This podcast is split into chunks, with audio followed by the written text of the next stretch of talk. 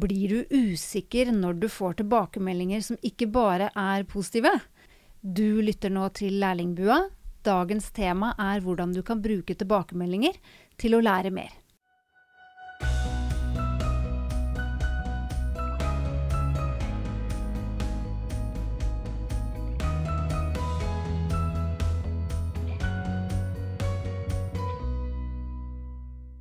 Velkommen til denne episoden av Lærlingbua. Vi som sitter i studio i dag er Lise Ødemark og Heidi Gabrielsen. Vi jobber begge ved Opplæringskontoret for helse- og oppvekstfag, og lager denne podkasten for deg som er BUA-lærling i Oslo kommune.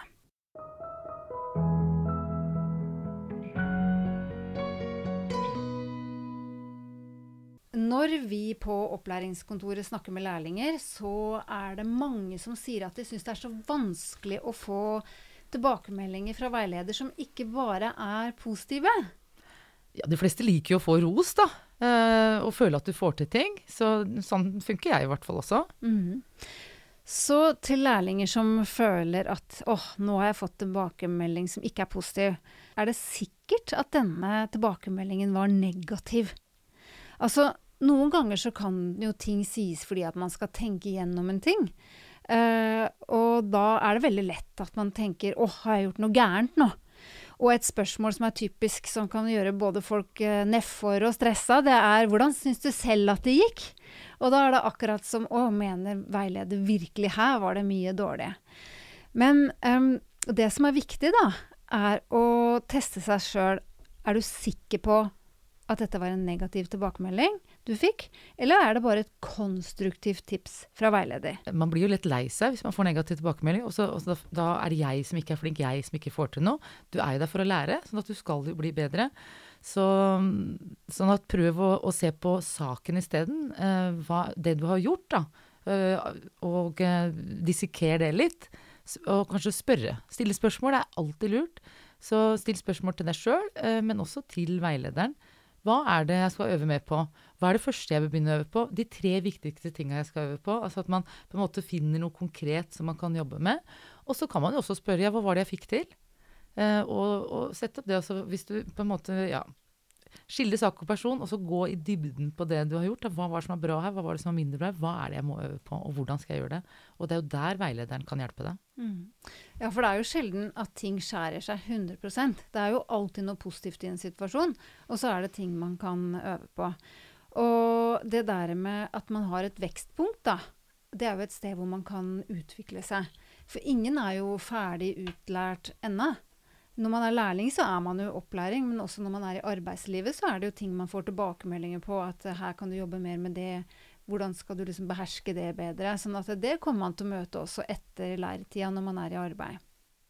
Absolutt. Og det å se tilbakemeldingen som noe positivt, da, selv om det ikke føles sånn i første omgang, det kan være smart, for da hva er det jeg kan lære her? Se på konkretisering. Uh, og så er det så lett å se altså, hvis, Det kan jo være at veilederen nå sier til deg at ja, du er så flink, du. Ja, det er jo kjempefint, men hva er jeg egentlig flink til? Prøve å spørre da også.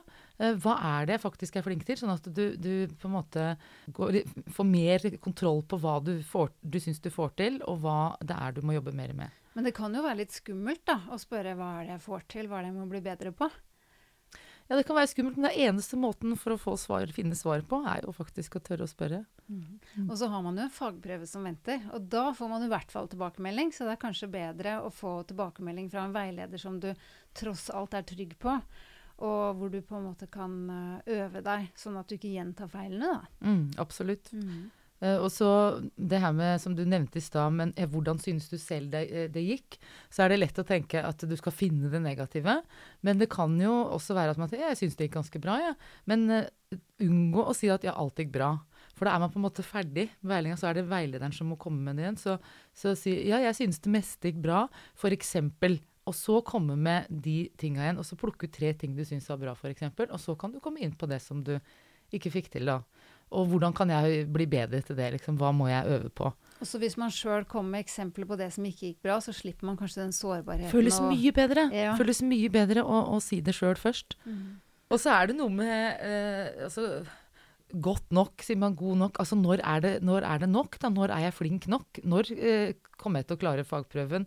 Ikke alle gjør jo feil på jobb også, men, eh, men det er jo eh, om du er førsteårslærling eller andreårslærling, uansett så er du lærling. Du skal eh, lære mens du er der. Og hvis du er ferdig utlært når du kommer, så er det ikke noe vits å være lærling, da. Hvis man føler at man får negative tilbakemeldinger, eller tilbakemeldinger som ikke bare er positive, hvordan skal man møte disse? Nå har vi jo eh, sagt noen av disse tipsene. Det å møte det med å dissekere det, da. Altså prøve å konkludere. Hva er det egentlig blir sagt her? Eh, hva er positivt, og hva er negativt? Men sånn generelt så vil jeg si at dagens tips kanskje er se det positive i alle tilbakemeldinger.